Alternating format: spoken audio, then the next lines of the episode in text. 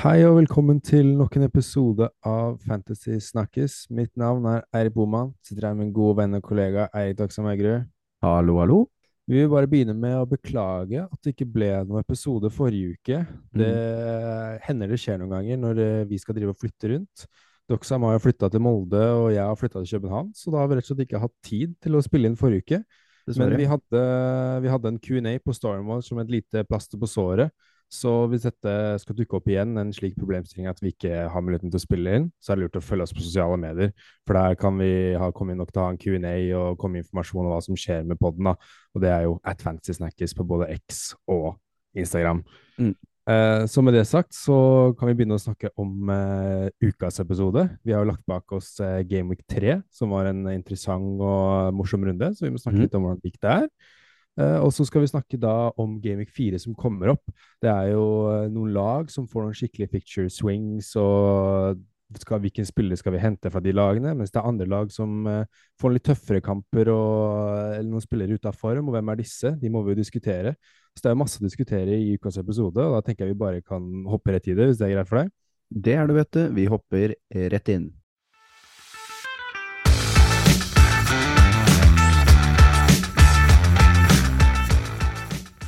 Yes, Stocksheim, kan ikke du eh, snakke litt om eh, hvordan det gikk forrige runde for deg? Yes, eh, jeg vil si det gikk helt ok, egentlig. Ender på 50 poeng, som er litt over eh, averagen. Eh, mye blanks. Jeg hadde vel eh, seks blanks denne runden, og så har jeg noen som, som hjelper meg med å dra opp litt. Da. Jeg får jo overall en grønn pil.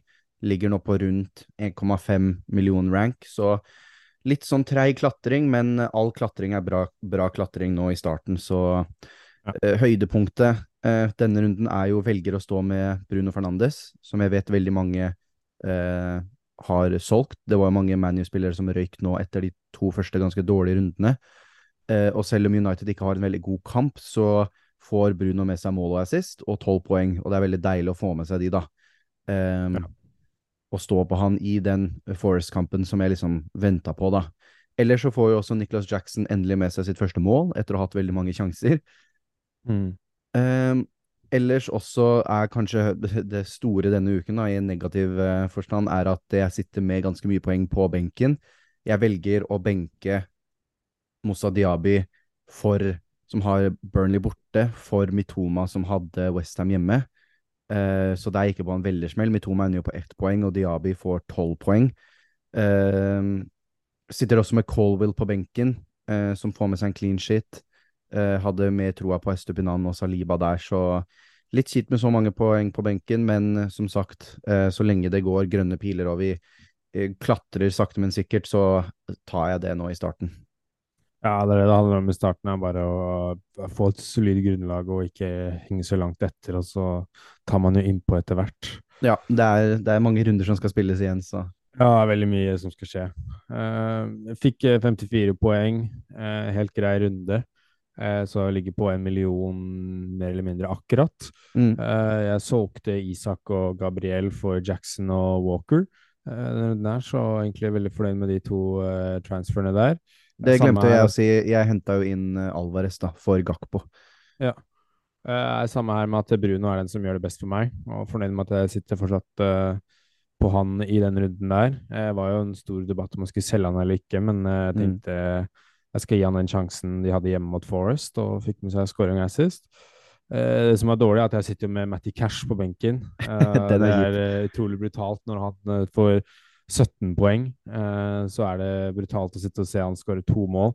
Uh, og jeg valgte å spille Det var vel egentlig Joa Pedro jeg valgte å spille istedenfor, grunnet den Enciso-skaden. Så tenkte jeg at uh, Joa Pedro får starte, men han foretrekker Danny Welbeck, tydeligvis, istedenfor.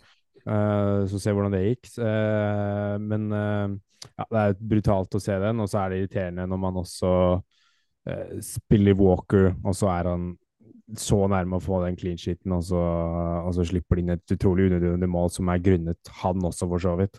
Ja. Uh, så ja, Og så tillegg at han ikke får med seg den assisten fordi Foden får et sånn lite fisletouch på ballen, uh, som gjør at uh, det ikke blir hans assist. Så, men ja, en grei runde å se framover mot, mot neste runde. Mm. Og har ikke så veldig mye mer å legge til for hvordan det gikk. En ting jeg vil også nevne, er jo at vi står begge med Pickford, eller? Ja. Han eh, så jo ut til at eh, det kom til å endelig komme en clean sheet. De holdt jo 0-0 der helt til slutten. Eh, og det, det ser veldig mørkt ut for Everton og Pickford. da Hvis de ikke klarer å få clean sheet i en kamp som det der, så sliter jeg med å se hvor de skal få clean sheet-poeng fra. Så Ja, eh, litt det sånn eh, Det brenner litt hos under føttene til Pickford nå, altså. Ja, det gjør det. Nei, Med det sagt så tenker jeg vi kan hoppe inn i hoveddelen vår og snakke om runden som kommer, hvis det er greit for deg. Det syns jeg vi skal gjøre, vet du. Vi hopper rett inn.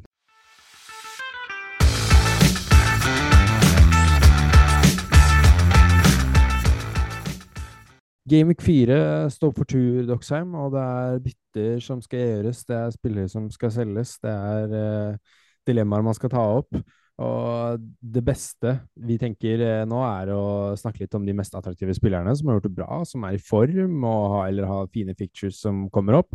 Den første som stikker ut uh, for meg, er jo Raheem Sterling, da.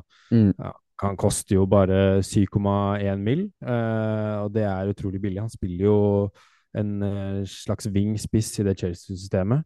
Eh, og har et Chelsea er jo det laget nå som har det desidert beste kampprogrammet framover.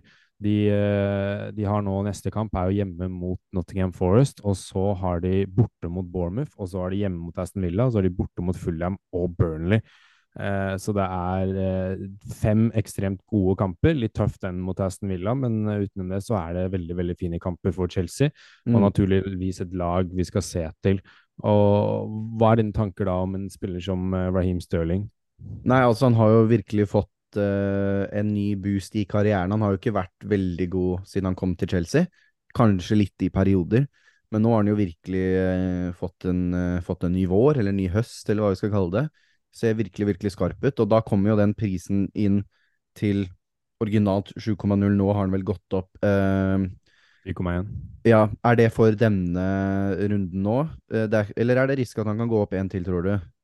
Det, eh, det kan vel hende at han kan gå opp en til nå. Det, er jo, det var jo sjekket dette her i går kveld, og det var i mandag, så det overrasker meg ikke hvis han går opp til eh, 7,2 nå før helga også. Nei, så du må jo ha litt penger i banken, øh, eller øh, gå ned, da, Gå ned. på en Mm. som er dyrere for å få råd til han, men ser veldig, veldig, veldig skarp ut. Uh, det har jo vært veldig populært og ganske givende med Chelsea-spillere nå i starten. Og Stirling også eh, tok en titt på statsene hans litt i går. Han er veldig høyt oppe i stats som tyder på at han mottar ball veldig ofte i motstanderens eh, 16-meter, da, og skyter skudd fra gode posisjoner. Så han ser egentlig veldig, veldig, veldig frisk ut. Og eh, med tanke på en Bruno nå, da, som har hatt den eh, Nottingham Forest-kampen som vi var litt eh, Som vi ville ha ham på. Mm. Nå er det Arsenal borte, Brighton hjemme. Det er ikke de, ikke de letteste kampene. Det kommer litt lettere etter det, men er det kanskje tiden å hoppe på Stirling nå, hvis du har muligheten? Du kan lett gå ned fra Bruno til Stirling. Så Ja. Og du taper ikke så mye. Altså, Bruno har veldig høy eh, eierandel uansett, så det er ikke sånn at du taper så veldig mye. Skal se her, Stirling ligger nå på en Bruno er på sånn 22% Stirling ligger på 10 så du tjener faktisk på eh, eierandel, effektiv eierandel òg, da. Så Ja. det syns jeg virker som en veldig interessant, med mindre du uh, står med tre Chills allerede. Sånn som jeg har Chilwell, Colville og Jackson, så jeg Ja. får ikke gjort Bruno til Stirling i én. Mm. men jeg regner ikke med at veldig mange står med kanskje tre Chelsea, så Bruno til en Stirling eksempel, veldig, veldig attraktivt bytte. Ja, det er veldig attraktivt, også med tanke på at folk eh, sparer på et wildcard. Og jeg ser jo nå at i Game Week 9 så blir det knalltøft for Chelsea. Da har de Arsenal og eh, Brentford hjemme, og så er det Spurs borte og City hjemme, Newcastle borte, Brighton hjemme og ManU borte. Eh, Så det er blytungt etter Game Week 9. Så hvis det er en tid å få på noen Chelsea-spillere, så tenker jeg det er, det er nå. Og jeg ser det er jo ingen som skal ta den plassen til Stirling. Eh, Det er, eh, ser ut som de har satt laget, de vil spille det laget. Så lenge Nkunku er skadet, så og han er jo skadet fram til desember, så er det ikke noe det er, ikke, det er noen som kommer til å ta den plassen. Du har jo noen mudrikker og sånn som lurer bak der. Eh, Men eh, jeg tror Pochettino har lyst til å spille inn det laget og få en consistency da, med ett lag eh, nå framover. De har jo bare cupkamper å spille. Det er ikke noe Europa for dem framover, så det, og han og Stirling får jo, blir jo ikke tatt ut på landslaget heller, så han får jo i tillegg hvil til landslagspausen. Mm. Eller skal aldri si aldri, da, men jeg tviler på at han kommer inn i den landslagstroppen. Eh, så ja, jeg syns også Stirling er veldig, veldig interessant å se på. Jeg er ikke helt sånn uh, overbevist om jeg skal ta han inn akkurat nå. Da skal det klikke litt, føler jeg. Uh, men ja, jeg, jeg føler det er jo nå man skal ta han inn, da. Men Ja, det ja, det, det må, det må bare finne ut hvilken spiller man kan ta ut. Men det er som du sier, det er en Bruno. Det er disse dyre man kan gå ned fra. Eller hvis man har hvis jeg, du, som jeg sitter på en essay, da, og han har ikke gjort det så bra. Hvis jeg får penger i banken, så kan jeg oppgradere essay opp til en Stirling. Eh, Mm. Men da skal jeg ha litt flaks med penger. Hvis ikke så syns jeg det er eh, et annet lag som ser, eh, ser veldig bra ut og er veldig attraktive nå, er jo Tottenham. Eh, og da er det spesielt én eh, Han er vel unggutt i forsvaret der. Odung, eh, Odogi, er det som heter? Odogi. Eh, Odogia, eh, som har spilt utrolig bra for Spurs. Han, Mm. han har en gjennomsnitt på seks fantasy-poeng de tre første rundene. Eh, og han får lov til å gå veldig offensivt og sentralt, siden måten uh, Tottenham spiller på nå, gjør at bekkene får gå og angripe sentralt. Som sånn trekker seg ut til siden og åpner rommet opp for Odogi i sentralt. Så han er jo veldig mye inne og, offensiv, uh, involvert offensivt. da. Og Spurs har nå eh, to fine kamper, og så kommer det to tøffe kamper etter der igjen, men da kan han jo benkes. Mm. Ehm, og ja, han er i hvert fall en veldig bra erstatter for for uh, f.eks. hvis noen sitter med Arsenal og ManU-forsvarere som går inn i litt tøffere kampprogram og ikke har holdt så mye clean sheets, så er det fint å gå ned til Ndogi. For uh, hvis, man, eh, ja, hvis man fortsatt sitter på Gabriel, så er det veldig enkelt å gå ned til han. Mm. Uh, til Ndogi hvis man uh, hvis man har Luke Shaw som nå er skadet, så kan man gå ned til Udogi. Hvis man eh, har lyst til å komme seg bort fra Saliba eller disse andre Arsenal-forsvarerne, ned til Udogi. Det er i hvert fall riktig tid å få ham på, da. Eh, hva er tankene dine om eh, denne Tottenham-gutten? Nei, altså, det irriterer meg litt hvor gode Tottenham har sett ut, og hvor fort Mm. han eh, Ange har klart å, å virkelig gjøre om dette laget. Vi snakker jo litt om han Odogby eh, før sesongen, men han har sett fryktelig, fryktelig god ut. Eh, han skårer, som du sier, han ser veldig offensivt, og det ser man igjen i statsen også. Han skårer veldig høyt på det vi kaller progressive carries, da, det å, å ta med seg ballen oppover i banen, og carries Mm. into final third, into opponent's box. Altså, han er god på å få med seg ballen framover og inn i farlige offensive posisjoner.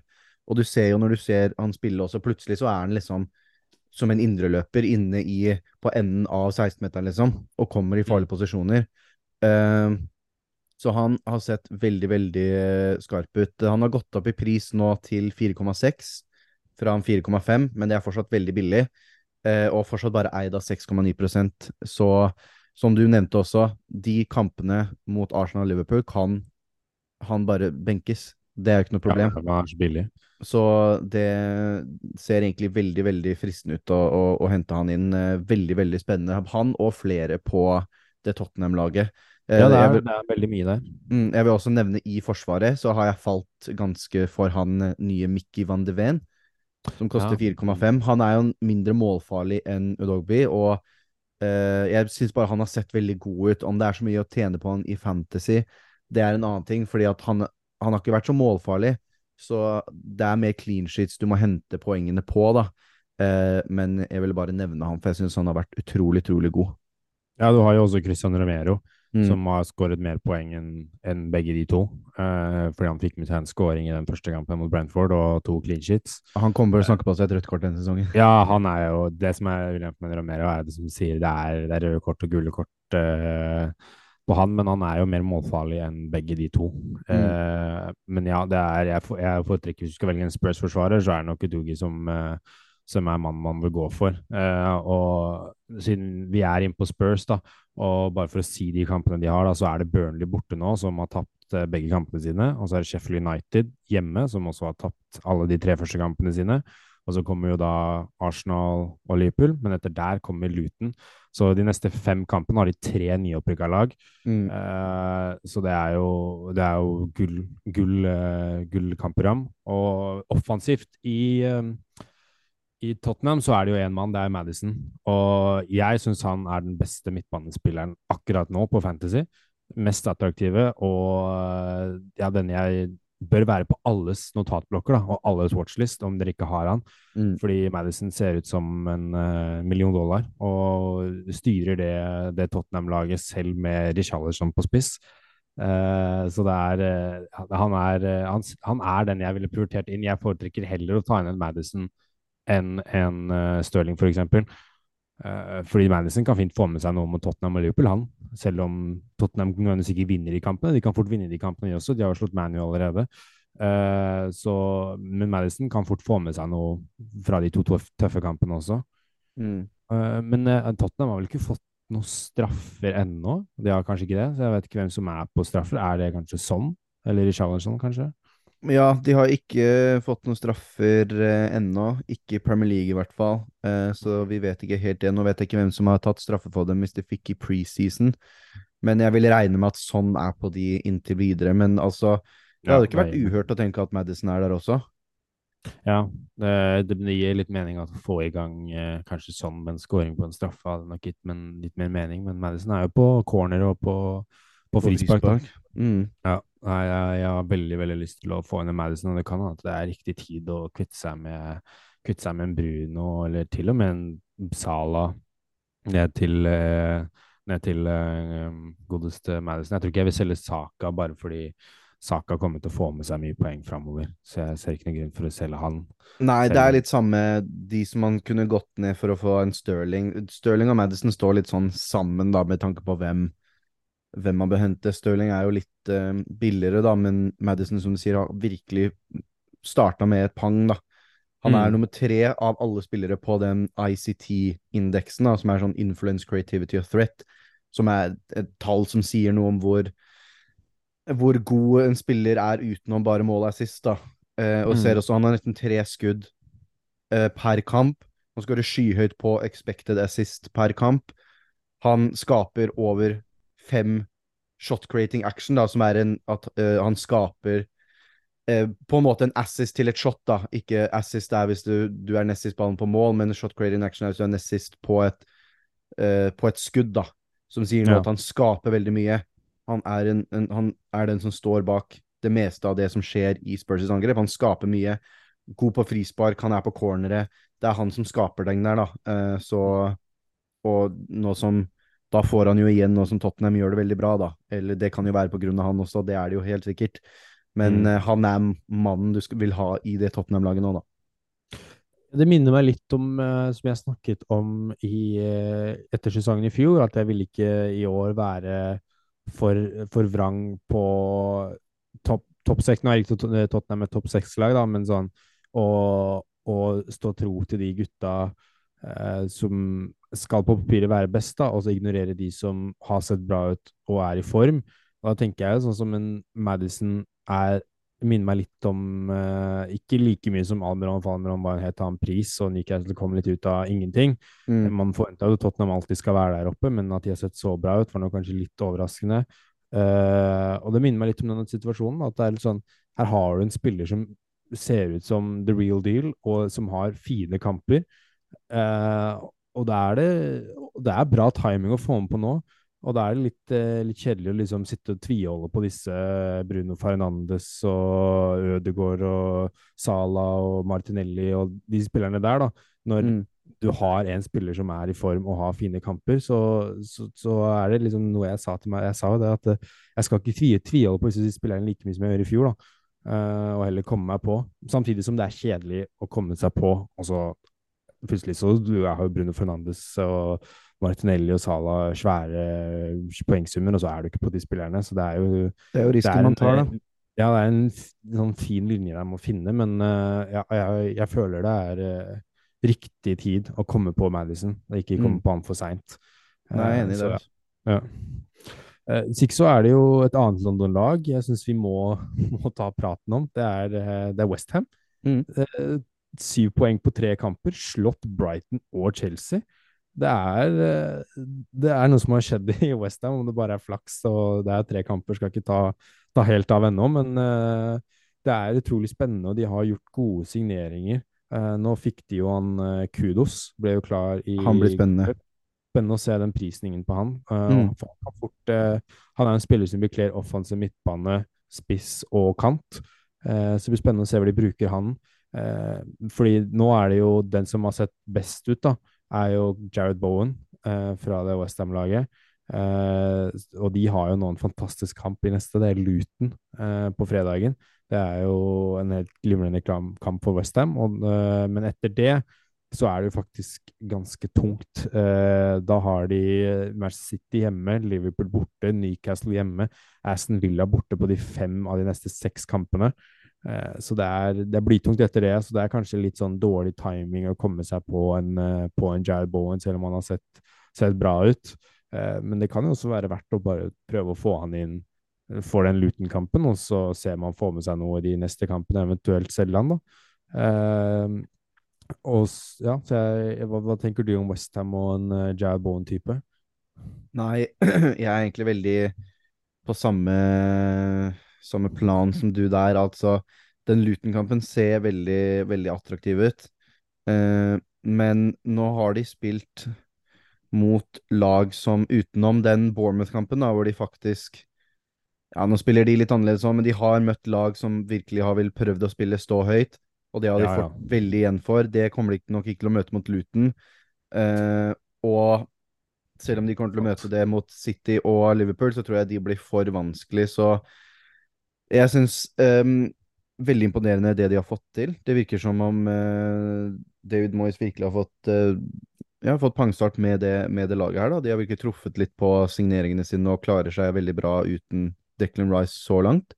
Mm. Men det, jeg tror ikke det blir mye poeng fra å hente nå de neste ja, tre kampene. da. Men etter, si etter Liverpool, da, fra runde sju, så syns jeg det kan bli uh, interessant igjen. Og da kan man jo se, hvis de virkelig kjører på og, viser seg kjempegode mot City, da, så kan man hende man vil hente dem inn allerede runde seks.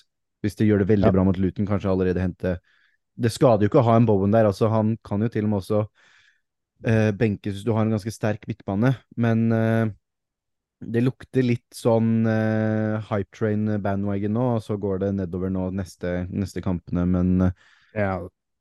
Det er litt sånn gratulerer hvis du, hvis du satt med Bowen fra starten av, men det er det er, det er, litt for seint, selv om det er den Luton-kampen. Fordi du sier det er det, det, er to kamper der hvor de eh, har egentlig blitt eh, spilt litt ut, og så har de kontra inn seire. De har fått eh, maks ut for spillesiden sin, da. Ja, eh, så det har vært litt sånn, ja, litt sånn flaks, rett og slett, med en dyktighet. Og skal gi kudos til, eh, til Westham. Hey. men men ja, jeg syns det er litt for seint å komme på Bowen. Da må man heller uh, se gjennom det for dem den eh, fortsetter, da, den trenden de har gjort. Eh, for de har gode nok spillere til å være blande seg opp eh, blant eh, topp sju, til og med. Topp sju-åtte. Det har de jo vært tidligere. Så det er jo ingenting som sier at de ikke kan være med å blande seg inn der. Uh, etter, etter, hvert fall etter de signeringene de har gjort. Ward Prowse også ser jo veldig bra ut med Ja, han har virkelig, med, om ikke overraska meg, bare sånn Det er morsomt å se at uh, sånn type fotball kan funke, da. Veldig mm. sånn veldig rått. Uh, det er passion, det er liksom uh, litt simpelt, da, i forhold til alle de som kommer opp nå med Brighton og til og med ja. Aston Villa folk som, og Tottenham nå som spiller liksom Det er mye samme type fotball, da. Og du ser jo, hvis du kan gjøre det best, så, kan, så er det det laget som er best. Men det er, det er litt uh, moro å se David Moyes også, da, som kanskje ikke får eh, Om han er undervurdert, vil jeg ikke si, men at han får At sånne type trenere også får til ting, da, fortsatt. Ja, det er, det er stilig og ja, det er morsomt eh, når han fikk den første assisten sin av Ward Prowse, og Kasper Wikestad kommenterer hva han sier. Han sier at eh, Ward Prowse med, med, assist på sin første dødball, hvem skulle tro det? Alle. Det er, eh, det er eh, veldig, veldig stilig og Ja, det er kult å, mm. å se Westham. Eh, Får de inn en Maguire der òg, så blir det, ja, blir det bra. Ja. Nei, eh, neste laget jeg tenker man skal se etter nå, det er godeste Manchester City. Fordi Manchester City nå, de, de har jo for så vidt alle kampene deres er jo en, en godt kampprogram. Ja. Men uh, de neste kampene til City nå er jo hjemme mot Fulham, borte mot Westham, hjemme mot Forwards, borte mot Wolves. Uh, de, de fire neste. Og så blir det litt tyngre, selv om det kanskje ikke har så mye å si for, for City. Så er det Arsenal borte, Brighton hjemme, Manny borte.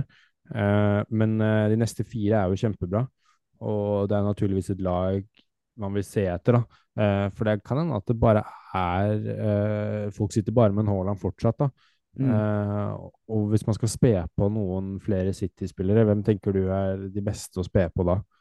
Nei, altså, jeg har jo personlig tatt på Julian Alvarez. Mm. Han, han eh, får spille nå, med De Bruyne ute. Det så vi litt i fjor også. Så han tar den rollen bak øh, Haaland. Han spiller ikke De Bruyne-rollen per, per se, liksom, men han får den plassen på banen, da. Ja, han tar Eh, alle dødballer også.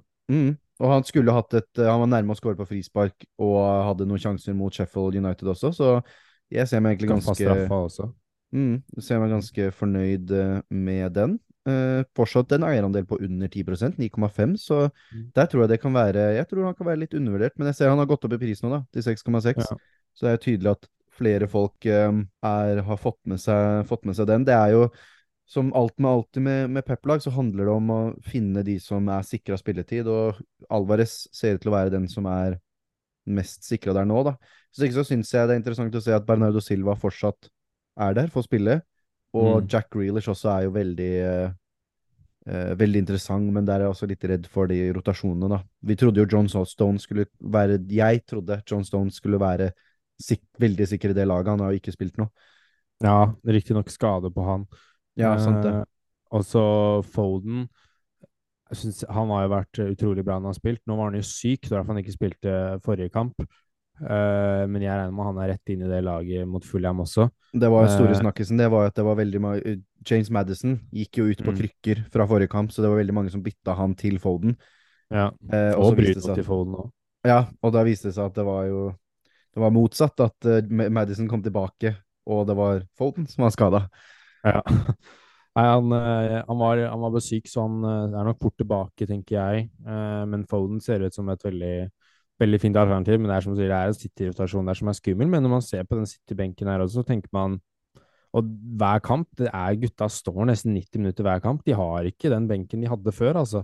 Det er ikke offensivt spesielt. Det er ikke så mye, mye de trenger å bytte nå, Uh, fordi de har ikke så mye offensivt. Skal de bytte inn liksom Oscar Bob uh, eller Cole Palmer? Det er liksom ikke det er ikke samme teften av den benk offensivt. Og da, som vi har sett de tre første kampene, de offensive spillerne står 90.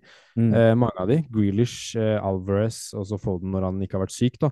Eh, det, er, det er spillere som står nesten hele kampen, fordi de, de trenger ikke å bytte, og de har ikke den samme offensive benken de har hatt tidligere. Eh, så det ganger jo for en Grealish, Foden, Alvarez da. Mm. Eh, offensivt. Defensivt syns jeg det er litt skumlere, for Ja. der har de utrolig mye gode alternativer. Nå, nå var eh, Akanji syk, eh, som gjør at ikke han spilte. Så der har du liksom Du har en Akanji, Guardiol, Ake og Diaz, og så har Stone skada, da, eh, som kjemper om den, de stoppeplassene. Så det er vanskelig å så det er litt vanskelig å velge hvilken stopper man skal ha. Det er litt derfor jeg valgte Walker, fordi Walker er kaptein og spiller høyreback. Der Mm. er det ikke like tøff konkurranse. Uh, og så Diaz tenker jeg jo er den mest safe, men han er altså 0,5 dyrere enn de, de tre andre, da. Um, så jeg vet ikke om det er verdt å gå til Diaz, men han er kanskje den safe. Han viste jo nå igjen at han er kanskje Premier Leagues beste stopper. Han er bunnsolid. Mm. Uh, fantastisk god spiller. Um, han er nok den safeste, men uh, utenom det så vil jeg jo si Akanji bare fordi Akanji har spilt mest for City i fjor av de stopperne. Og han hadde nok spilt nå igjen, men han uh, var syk. Uh, ja, jeg har valgt Walker og tenker at det er fint å stå med han ut. Og fra City så tror jeg det er lurt å sitte med i hvert fall to City-spillere i det kampprogrammet de har nå, da. Um, Ja, jeg er enig der. en, uh, om det er Alvarez og Haaland, eller Haaland og Grealish eller Foden, eller Haaland og Walker, Diaz, Sakanji. Haaland og en til, i hvert fall. Ja, du kan til og med ha, ha tre av de. Ja, det er Mhm. fullt mulig. Det er bare med hvor mange minus og hitter man vil ta han så tidlig, da. Mm. Og med det så er det bare én spiller til jeg har lyst til å nevne, egentlig, som er godeste Taivo Avonji eh, på Nottingham Forest. Eh, selv om Forest ikke har vært så kjempegode, så har han eh, fortsatt klart å fått med seg to mål og én assist på tre kamper nå, på en expected goal involvement på 1,59, da, så det er tydelig at han har skåret mer enn de sjansene han Og fått mer assist enn de sjansene han får og skaper, tilsier. Men han har bare en 2,8 eh, eierandel og koster bare Mener det er 6,5, skal vi se Jo, 6,5. Ja, koster 6,5, så er jo en av de eh, billigere spissen, da. Men fortsatt dyrere enn en som eh, som en Wizza, som bare koster 6,0. Eh, så det er mm. jo Ja, han har gått opp til 6,2, da, så nesten samme prisen. Men jeg ville mm. bare få med han fordi han har sett eh, veldig god ut, og kan være en liten punt på tredjespissen. da. Han har bare en eierandel på 2,8% som er mye mindre enn en Wizza, for å si det sånn. Uh, eneste jeg også vil si der, er at han kanskje er litt forbi sin å kjøpe prime, da, som vi snakker om. Uh, for Stats er ikke helt på hans side. Han skaper ikke uh, så mye, men han har vært dødelig effektiv da, på de han har fått. En av ligaens beste så langt på mål per skudd. Da. Så selv om han ikke skyter så mye, så har han vært veldig god på å få de som han har skutt i mål. Um, så jeg vil bare nevne han som et alternativ som en tredjespiss, for jeg syns uh, han har vært god nok til å fortjener å bli nevnt. Mm. Nei, jeg er helt enig. Jeg har sett på han, jeg også, og syns han er, uh, er, veldig fin. Og bare en siste shout er uh, Cameron Archer, som nå har gått fra Aston Villa til Sheffield United, og er da en spillende 4,5-spiss, da. Eller han kommer til å få minutter, uh, mest sannsynlig. Ja, det må vi regne med. Ja, så det er bare for å shoute han ut. Mm. Videre til uh, spillere og lag man bør holde seg unna grunnet form og kamper eller skader eller hva det måtte være. Og da tenker jeg det mest aktuelle å snakke om er Brighton, og spesielt da Estupinan, som går inn i et veldig tøft program nå. Og er han da verdt å selge, er jo spørsmålet. Uh, Brighton har jo ikke holdt clean shit i det hele tatt de tre første kampene, men Estupinan har jo fått med seg målpoeng som har gjort at han har har uh, en del poeng. Nå Som er litt av grunnen til hvorfor vi ønsker han i første omgang. Ja, uh, og han sett Han er dritgod, for å si det rett ut. Mm. Uh, men de har nå Newcastle hjemme, ManU borte. Og så er det Bournemouth hjemme, som er en fin kamp. Men også er det borte mot Aston Villa, hjemme mot Liverpool, borte mot City. Så det er tøffe kamper de nærmeste seks kampene. Så det er bare én av de seks kampene som er en kamp du i teorien føler deg komfortabel med å spille Estepinan. da. Brighton har vist at de kan ta disse storlagene, men de holder clean sheet, det er jeg litt skeptisk på. Og det er jo ikke noe garanti at Estupinan kommer til å få med seg noe selv uh, i disse storkampene med målpoeng og sånt. Så da er spørsmålet er det verdt å selge. Eh, vi sitter begge med Estupinan. Eh, hva tenker du om den Estupinan-situasjonen? Skal du selge, eller skal du beholde han? Det kommer veldig an på hva andre ting jeg føler må fikses i laget først. Han mm. eh, er nok ikke den som går først ut for meg, fordi jeg har en ganske grei erstatter i Coville, som har sittet på benken for meg nå. Uh, og Chelsea går inn, som vi har snakka om, i et ganske bra program, så jeg kan egentlig bare sette Estupinan på benken om det skulle komme til det, og så da har jeg han til og med for den Bournemouth-kampen, da. Mm. Men altså, hvis det er det største problemet i laget ditt, så syns jeg det er veldig riktig tid og veldig greit å selge han nå. Han er også en ja. spiller som har veldig høy effektiv eierandel fra før av, for det er veldig så mange som eier han, så du, det kan nok være mye poeng å hente på andre spillere der. Mm. Men sånn som jeg, da, vil nok heller kanskje ha ut en Bruno, eh, kanskje gjøre litt ting på det offensive først, da, siden jeg har en Colville som kan komme inn og, og bare erstatte han. Så ja. personlig ikke det største problemet, men sånn sett generelt, det er, eh, det er vel riktig Det er nok kanskje den beste tiden å selge han nå, så og ja. det er ikke noe dårlig ting å gjøre. Ja, fordi eh, for min situasjon da, så er det enten å spille Stubinan hjemme mot Newcastle eller cash bort mot Liverpool. Og da spiller jeg Stubinan per dags dato. Uh, jeg tviler på at Brighton holder clean sheet den kampen der. Uh, uh, så det kan jo justice være for meg å selge Estupinan ned til Odogi. Mm.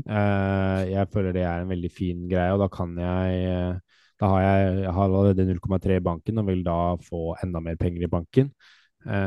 og det kan være egentlig veldig enkel og grei løsning på det problemet. å stå uten Estupinan da og kom, få han bort få han bort, rett og slett. Og jeg tenker mange som har Stupinan også, bør jo se til den løsningen. Men helt du må jo se på laget ditt, da, hva du faktisk har. Har du en Colwell og du kan benke Stupinan, så er Stupinan fin å holde, holde en stund uh, fremover. Og hvis du har en spiller som kan rotere bra med Stupinan, så er det bare bra. Jeg skulle ønske jeg kunne rotert Cash litt bedre med Stupinan, men, men det kan jeg dessverre ikke. Cash har litt, har litt bedre nå framover etter Liverpool-kampen, så er det litt bedre. Det er det Palace hjemme, men så er det Chelsea borte og Brighton hjemme. Så det er uh, det er litt kjedelig at ikke den Palace-kampen var nå for Cash, for da kunne jeg spilt og benka Stupinan. Eh, mm. Men han kommer til å være en av de mest uh, ut-spillerne. Og det er nettopp det. Han kan fort gå ned i pris, og da er det kanskje verdt å bare selge han uansett, for å ikke miste den verdien, da. Ja, uh, det er et godt poeng. Uh, hvis ikke så er det jo en annen mann fra Brighton.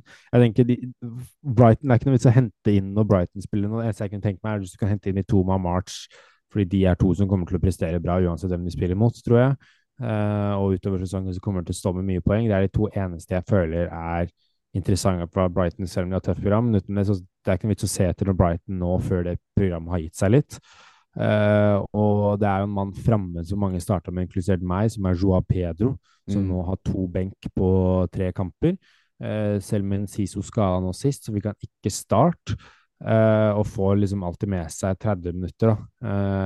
og det er jo ett poeng. Og det er ikke noe ideell sak. Han koster bare 5,5, så det er jo ikke akkurat krise om han sitter på benken, for du bruker ikke så mye penger der. Men uh, han er nok en spiller man bør prioritere å selge. Men han er en vanskelig spiller å selge også, fordi uh, hvem skal man ta inn? Hvem er det du erstatter den med, liksom? Ja, uh, for min del tenker jeg det kan være fint jeg kunne solgt Estupinan og Joao Pedro og hentet Odogi og Buissa. Tror jeg faktisk jeg får penger til da. Mm. det er jo en gulløsning, men det er en minus fire. Mm. Eh, hvis ikke så kan jeg jo sitte på Joa Pedro litt til og håpe at han får en start nå. For jeg har jo De Serbia vært åpenlyst og sagt at det skal være mye rotering i laget. Og da er det fort for at uh, Joa Pedro starter neste kamp. Uh, han har også sagt at uh, Joa Pedro sliter med uh, presspillet og spillestilen hans. Han har vært åpenlyst og sagt at han driver fortsatt og lærer.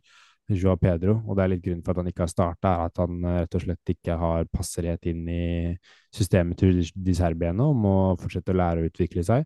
Mm. Og da tyder det på at han er en som sitter, eh, sitter fort på benken, da. Eh, I hvert fall når det er så tøff konkurranse. Eh, men jeg blir ikke overraska hvis han starter neste kamp, da. Eh, han hadde jo en pangstart i Game Week 1. Da kom han jo inn og skårte straffe mm. og gjorde egentlig det ja. alle hadde håpa han skulle. Men det er jo tydelig da, når du liksom har en kamp, du skårer mål selv om det er på straffe, og så blir du benka, da er det tydelig at det er et eller annet i systemet at du ikke mm. passer inn i, liksom. Ja, han er nok eh, fortsatt i en startfase i det, det serbefotballen og må lære seg litt, og da, da blir det en del benker framover, så det kan være fint å prioritere å få han solgt. Da kan man også gå ned til han Cameron Archer, som vil være en spillende 4,5 spiss, og så benker du han bare, da. Og så ja, hvis du tenker like gjerne da Det er kanskje den beste, som du sier, beste veien å gå ut, for da blir du Du får litt penger i banken. Ok, du må bytte til en 3-5-2 eller en 4-4-2, men mm. da kan du liksom på en måte baile deg litt ut. Ha Cameron Archer som ja, kommer til å nok til å spille, ikke få så mye poeng, men da har du ham uh, som kan sitte på benken der, da, og så bare bytter du dytter du en til inn i, i midtbanen eller en til inn i forsvaret, liksom. Ja, ja nettopp det. Uh, så det er en veldig, veldig fin løsning som jeg også vurderer, jeg, da.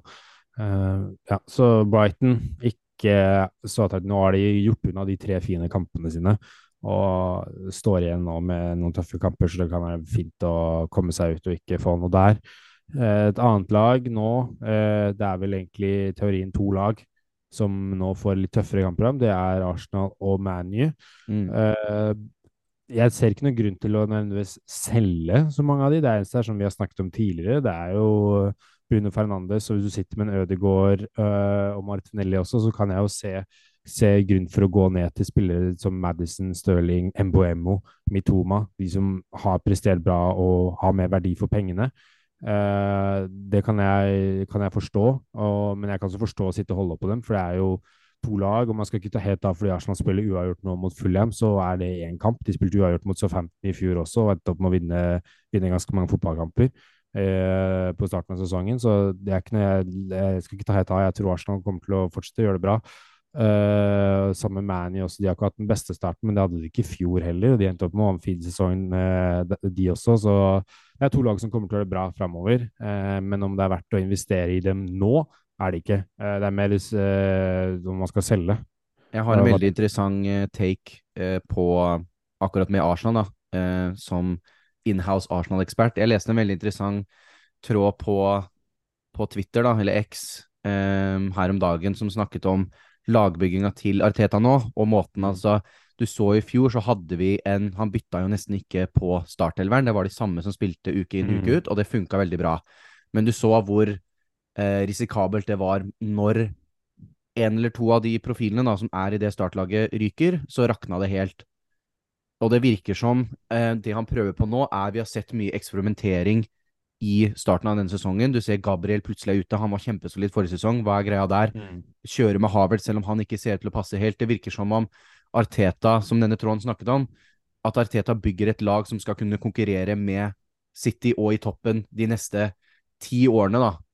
Og at mm. det kanskje At han da ofrer litt denne sesongen, starten av denne sesongen, med å OK, vi trenger å få spilt inn sånne som Havertz, Kvior, vi må få spilt inn så mange som mulig, sånn at sånn at når vi har den beste A-lagstroppen og noen ryker, så har vi folk som kan bli putta inn. Se for deg ok, nå se for deg at de hadde kjørt um, samme laget fra starten av sesongen som vi kjørte i fjor. da, Det går kjempebra. Og så ryker en skade da i midtbanen, og så må Kai Havertz komme inn, og så har han ikke fått spilt.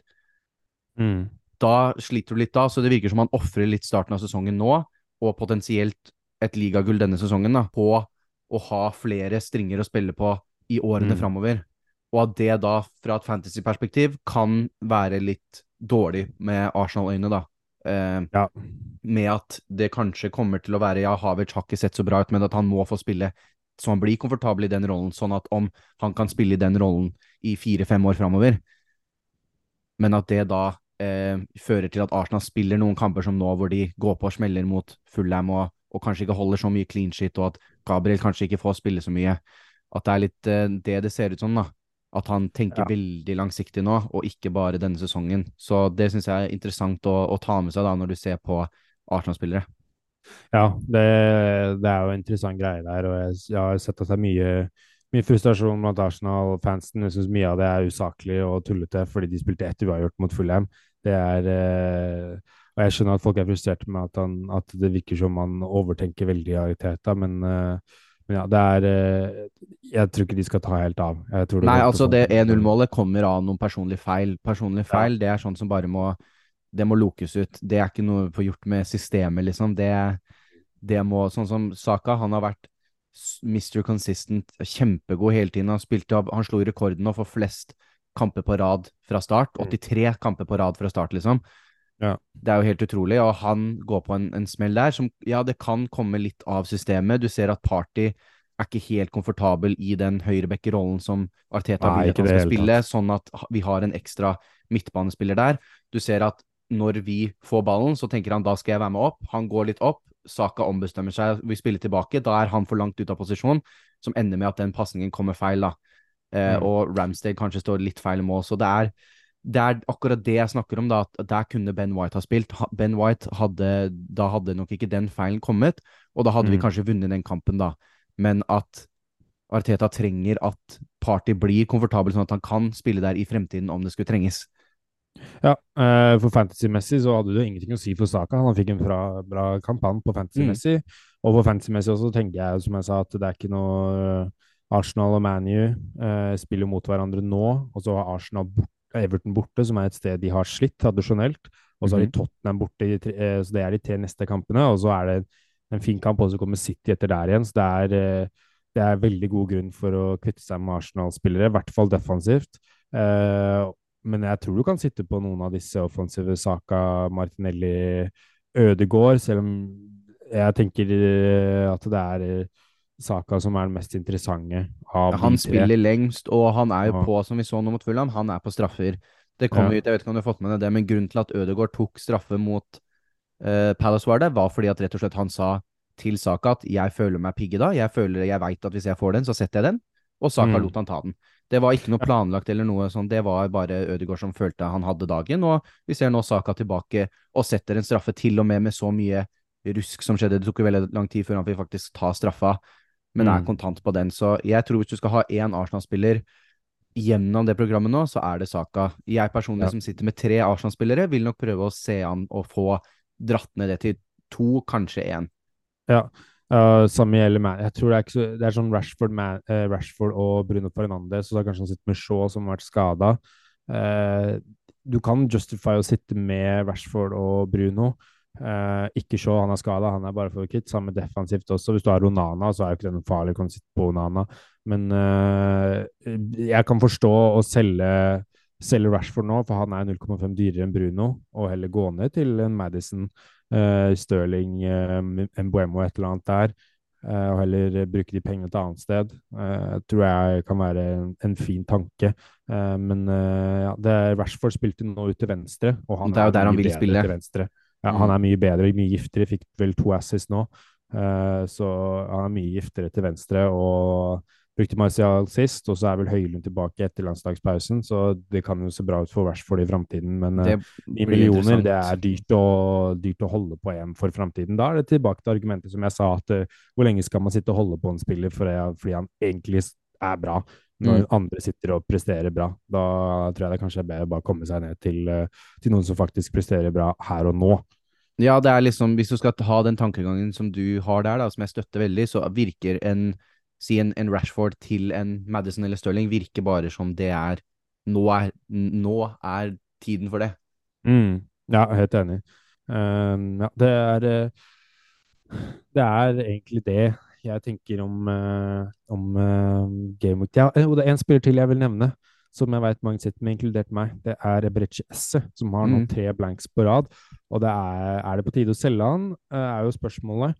Eh, for meg så tenker jeg nei, fordi han har fortsatt veldig fine kamper foran seg, og han er på straffer for det Palace-laget. Og så er det jo kjedelig å sitte og se at uh, han sine 6,5 makkere med Mitoma March og Mboemo har gjort det så bra i starten, og at man valgte Essay sånn som meg, det er, det er, kjedelig å se det. Men Essay sin tur vil komme, uh, det er jeg helt sikker på. Uh, og og han er fortsatt bare Han har jo gått ned litt i prisen nå, til 6,4. De andre har steget litt, så det er litt kjedelig å se den også. Men jeg, jeg er skråsikker på at den Essay sin, sin hall kommer. Men så skal man ikke være for sta heller. Hvis man har muligheten til å selge han, så er det mulig, men jeg tror ikke det er litt dårlig timing også. Man har Wolverhampton på hjemmebane og litt fine kamper framover, så tror jeg ikke hvis det er der det brenner mest i laget ditt, da skal du ha et veldig fint lag, eh, ja. tenker jeg. Eh, så ja, jeg tror det er bare å være litt tålmodig og la han, eh, la han sitte. Hvis du er på wildcard, er det noe annet. Da tror jeg du godt kan, eh, kan eh, ta inn en Boembo eller Mitoma istedenfor. Eh, og så kanskje om to-tre runder, hvis han fortsetter å blanke, så er det på tide å selge. Men akkurat nå så ville jeg fortsatt vært litt tålmodig med seg, fordi han har sett bra ut og har hatt fine underliggende tall. Det er bare uttellingen har ikke vært der. Det har det Nei. vært eh, Andersen som har stått for i ja. Palace av uh, alle spillere. En gammel, Jeg husker jo jeg hadde han en del, eh, om det var forrige sesong eller sesongen før. Det var jo det målet han hadde også, var han jo oppe Han sklitakla jo eh, ja, skåring nå. I det var veldig absurd å se. Men eh, det, mens vi er på Crystal Palace, skal det jo også nevnes at de har uh, signert Dean Henderson nå. Så den Johnston-keeperplassen, mm. den kan være litt uh, mer usikker. ja, det er Eh, den er litt uh, Da tror jeg det er jo fort gjort til Johnston til, uh, til Sanchez, eksempel. Men det er jo kjedelig å gjøre et keeperbytte. Ja, men uh, altså, vi som står på Pickford også, jeg, jeg er veldig gira på hva han bort, løst. Den ja, sitter, jeg har lyst til å jeg sier det når jeg så den, at de slapp inn helt på slutten mot Wolverhampton. Da var jeg sånn Her blir det ikke mye poeng å hente. Den og den Fullham-kampen også. Når det, er sånn her, det kommer et sånn kontringsmål på slutten som gjør at clean sheeten ryker, så har man Det er jo så fort eh, motstanderlaget har sjanse på mål, så blir det mål. Ja. Og det kommer Nei, de i hvert fall til å ha én av hver kamp, liksom. Ja, han er nok ute på, på et wildcard, men uh, akkurat nå så, så, er det kjedelig å bruke et keeperbytte, liksom. Ja, det er ikke så mye å hente der uansett, liksom. Det er det er, mm, Sanchez, det er fire poeng å hente, da, med tanke på mm. den clean sheeten. Det er nok mye høyere tak å hente i andre i Andre andre, steder.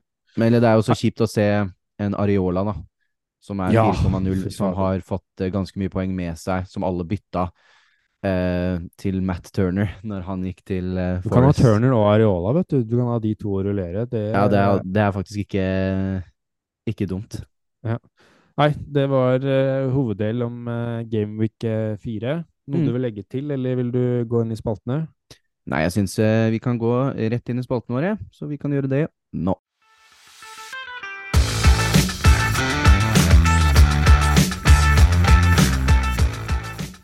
Og da er vi inne i siste del av podkasten, nemlig våre faste spalter. Og da starter vi som vanlig med Captain my captain, så da lurer jeg på, Boman, hvem er det du har tenkt å ha kapteinspinnet på denne kommende runden? Kjell, dette er, nå er det inne i den der litt sånn kjedelige kapteinsdelen. Det er Haaland hjemme mot Fulham. Lukter eh, tre kasser eh, for han. Eh, jeg, jeg, ser ikke noe annet sted. Det er, eh, det er, det er Haaland hjemme mot Fulham. Det er det beste valget. Mm, og jeg er enig i det, eh, men det, det, er sikkert folk som vil si da ja, men se på forrige kampen, var ikke så god da. Um, men hvis du så kampen, så i et annet uh, parallelt univers, ikke så altfor langt unna vårt eget, så har han hat trick den kampen. Altså straffe mm. bommeren på veldig, veldig sjelden. Den setter han jo vanligvis. Det er ett mål. Så får han det målet han har, og så har han ett som han scorer som han er veldig offside, da, men si at uh, han Ofte så er han jo ikke offside på de, og da har han et hat trick, og da er det en helt annen historie. Mm. Så han, han, fortsetter å holde på. Han er helt i toppen når det kommer på på underliggende tall og på f.eks. den ICT-indeksen som jeg snakket om. Eh, mm. Der er han helt i toppen av alle spillerne på spillet. Så nei, Haaland kjører på, og City går inn i et De har en veldig bra kamp nå. Det er, eh, det er eh, ikke andre realistiske alternativer engang, nesten. Det må bare få det på Haaland. Mm. Så, så, med det så kan vi hoppe inn i eh, jokerligaen vår. Da ble det dessverre ikke noe for Game Week 3, ettersom vi ikke rakk å ha episode da. Men eh, gå fort gjennom det som skjedde i Game Week 2. Da kjørte jeg med Eddie Nketia og Boman med Luis Diaz, som begge mm. fikk med seg litt poeng. Fem poeng på eh, Nketia der, og Diaz på sju poeng. Så da står totalscoren nå med meg på åtte poeng og Boman på ni poeng. Mm -hmm. uh, så da har vi kommet inn i Game Week 4. Og hvis dere ikke husker da, så er det at vi eh, velger én joker hver runde som vi da kjører mot hverandre i en head-to-head-liga, og så teller vi opp poengene. Og vi velger på draft-prinsipp, altså at den som gjorde det dårligst forrige runde, får velge først denne runden. Så mm. da er det jeg som får velge først denne runden, og da uh, var det egentlig veldig mye interessant å gå med. Jokere, som sagt, er da spillere under 10% eierandel. Og vi mm. har jo hatt uh, en del vi har snakka om nå som har vært uh, under det. jeg skulle gjerne hatt uh, Madison, men han er dessverre uh, gått langt over nå, på 17,5 ja. Men det er jo en annen vi snakket om i litt samme sjikte, godeste Raheem Sterling. Han gikk akkurat over. Han har ak... Mine damer og herrer, Sjekka dette er noe av det sjukeste jeg har vært borti. Han var 9,5 i, ja. i, går, eller i starten på dagen. Ja, han var det. Nå er han 10,5. Nå har han gått 10,5. Da, da er det ikke han jeg kan gå med. Da lurer jeg på om godeste Nei, men vet du hva, da må det bli uh, en liten shout her. Jeg går med Moussa Diaby Oi. på uh, Aston Villa. Jeg tror at de kan få med seg har, Liverpool har vært såpass shaky bak at jeg tror det kommer noen mål der. Ja, de har ikke med seg van Dijk heller i den kampen. Han er suspendert, den, så det, det er, uh, lukter litt uh, mål fra Aston Villa den kampen. Altså. Om de vinner, det er jeg ikke så sikker på, men det lukter mål, og han har en eierandel på 9,1% så da må vi ta en kjapp uh, tactic, tactical switch og gå med Diaby der, altså. Ja. Nei, fair valg, det. Jeg, jeg også så jo på Chelsea, for de hadde en veldig fin eh, kamp, men der er det jo ingen, uh, ingen egentlig som er under 10% som er Nei, det var Stirling, da. Ja, og Jackson og Chilwell er jo over. Så, så, da så jeg neste, det er City. Der har vi Julian Alvarez og Jack Grealish som er under 10% som er interessant. Og så er den Westham-kampen. Vi snakket om at de har jo så fin kamp nå. Uh, Jared Bowen er 6,6 eierandel. Mm. Uh, så jeg kommer ikke til å eie Bowen. Uh, det er litt morsomt å ha tatt en, uh, tatt en Bowen. Han kan fort gå og blanke den kampen også. Uh, plutselig så må Westham spille fotball, mm, så da sliter de. Mm. nei, nå må jeg tenke. Jeg tror jeg tar og velger Jeg velger Grealish, ja. Tar den, den Jack Grealish. Grealish, den er grei. Da blir det veldig spennende. Da er det altså eh, Moussa Diaby for meg. Aston Villa spiller mot Liverpool borte, og Boman har valgt Jack Grealish, som spiller hjemme mot uh, Fulham. Veldig mm. spennende der. Eh, vi har fått uh, ganske jevn start. Ganske uh, samme summer ut av startblokkene, så det kan bli veldig spennende her. Så da gleder vi oss til å se hvordan det ender eh, når vi kommer tilbake neste episode. Ja, og dette er jo riktignok to gode jokervalg for dere også som lytter. hvis dere skal gå inn eh, Dette er jo rett og slett de to jokervalgene vi mener er de beste Mm, for denne, for denne kommer kommende runden. Mm. Og med det så er vi jo ferdig, så kan ikke du se oss ut som du alltid gjør, Boman? Jo, eh, deilig å være tilbake etter en eh, uke heires, som vi Mhm. sier i USA. Eh, og det var eh, en, en deilig episode, og godt å være i gang igjen. Eh, det blir spennende nå mot Gaming 4, og gleder meg masse til det. Så tusen hjertelig takk for alle dere som har hørt på oss og stilte oss spørsmål på Q&A-en eh, forrige uke. Så Mm. stor pris på det. Det er jo stedet å være for, eh, for informasjon fra oss. At Fantasy snakkes på X og Instagram. Der får dere informasjon hvis det etter all formodning ikke skulle bli en episode. Så vil dere få vi informasjon der, og der kan dere stille dere spørsmål og gi oss forslag til temaer vi skal snakke om i episodene. Så Mm. kontakt oss der. Igjen, tusen takk for at dere hørte på, og håper dere har en strålende uke og masse lykke til til helga. Ha det godt.